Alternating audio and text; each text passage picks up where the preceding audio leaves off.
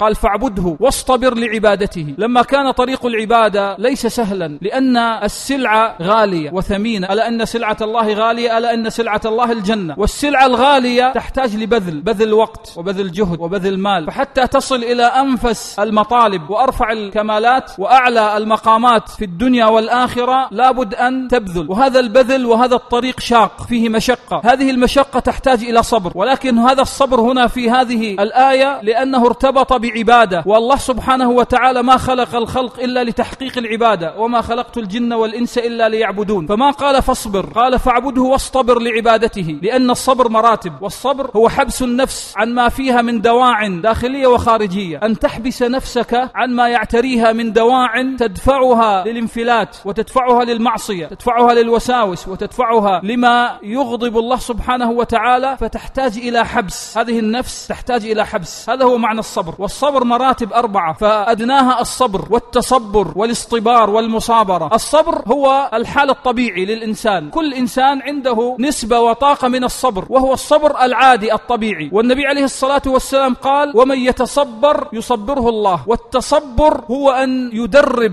وأن يتمرن العبد على الصبر. فهذا التمرين والتدريب يسمى تصبر. والتصبر هو أول مراتب الاصطبار. قال فاعبده واصطبر. لذلك الاصطبار ورد في ثلاثة مواضع من القرآن. وأمر أهلك بالصلاة واصطبر عليها لأن الصلاة من أعظم العبادات وعمود الدين. وهنا موضع العبادة قال فاعبده واصطبر لعبادته وفي مقام الدعوة قال فارتقبهم واصطبر لأن الدعوة أمرها شاق تحتاج إلى صبر. الداعي إذا لم يتحلى بالصبر لا تكون دعوته موفقة ولا تكون دعوته صحيحة فلا بد من الصبر. قال فاعبده واصطبر لعبادته والمرتبة الرابعة إذا ما أصبح الصبر دربة وتمرين وتدريب حتى يصير ملكة عند العبد فيصل إلى الاصطبار. إذا أصبح ملكة فإنه مع الصبر كأنه اكتسب الصبر واكتسب هذا الصبر في كل أحواله ومقاماته. وأعلى هذا الصبر هو الصبر الجميل الذي لا تشكي فيه للمخلوقين ولا جزع ولا تسخط. الصبر الجميل الذي يجمع هذه الأشياء الثلاث لا تشكي ولا جزع ولا تسخط. والصبر كذلك أنواع صبر على طاعة الله وصبر عن محارم الله وصبر على أقدار الله أقدار الله المؤلمة. وهذه كلها تتحقق في هذا الشهر العظيم شهر الصبر كما صرح النبي عليه الصلاة والسلام بقوله صيام شهر الصبر وثلاثة أيام من كل شهر يذهبن وحر الصدر أي وساوسه وقساوته. والمرتبة الرابعة المصابرة. قال يا أيها الذين آمنوا اصبروا وصابروا ورابطوا اصبروا وصابروا لأن ميدان الرباط وميدان الجهاد وميدان القتال يحتاج إلى مصابرة بمقياس المضاربة والمكاسبة. المضاربة أي فيه مدافعة. هذه المدافعة تكون في الميدان. أي لما يكون المقام من شدته وقسوته يحتاج إلى جلد ومرتبة عالية في الصبر. قال يا أيها الذين آمنوا اصبروا. وقد يصبر الإنسان لكن لا يصابر. لذلك احتاج يا أيها الذين آمنوا اصبروا وصابروا. وقد يصبر الإنسان ويصابر لكن لا يتحقق الرباط. لأن الرباط مرتبة أعلى من الصبر والمصابرة. قال اصبروا وصابروا ورابطوا. وهذا الصبر والمصابرة والمرابطة لا تتحقق إلا بتقوى. قال اصبروا وصابروا ورابطوا واتقوا الله. فإذا حقق العبد الصبر والمصابرة والمرابطة والتقوى فإنه سيحقق الفلاح. واتقوا الله لعلكم تفلحون. وهذا الأمر يحتاج إليه الإنسان في حياته في عبادته في دعوته في ملازمته لكتاب الله عز وجل. فيحتاج إليه ليس في ساحات الجهاد والقتال فقط كما قال الله سبحانه وتعالى بل في كل الأحوال. قال فاعبده واصطبر لعبادته. هل تعلم له سميا؟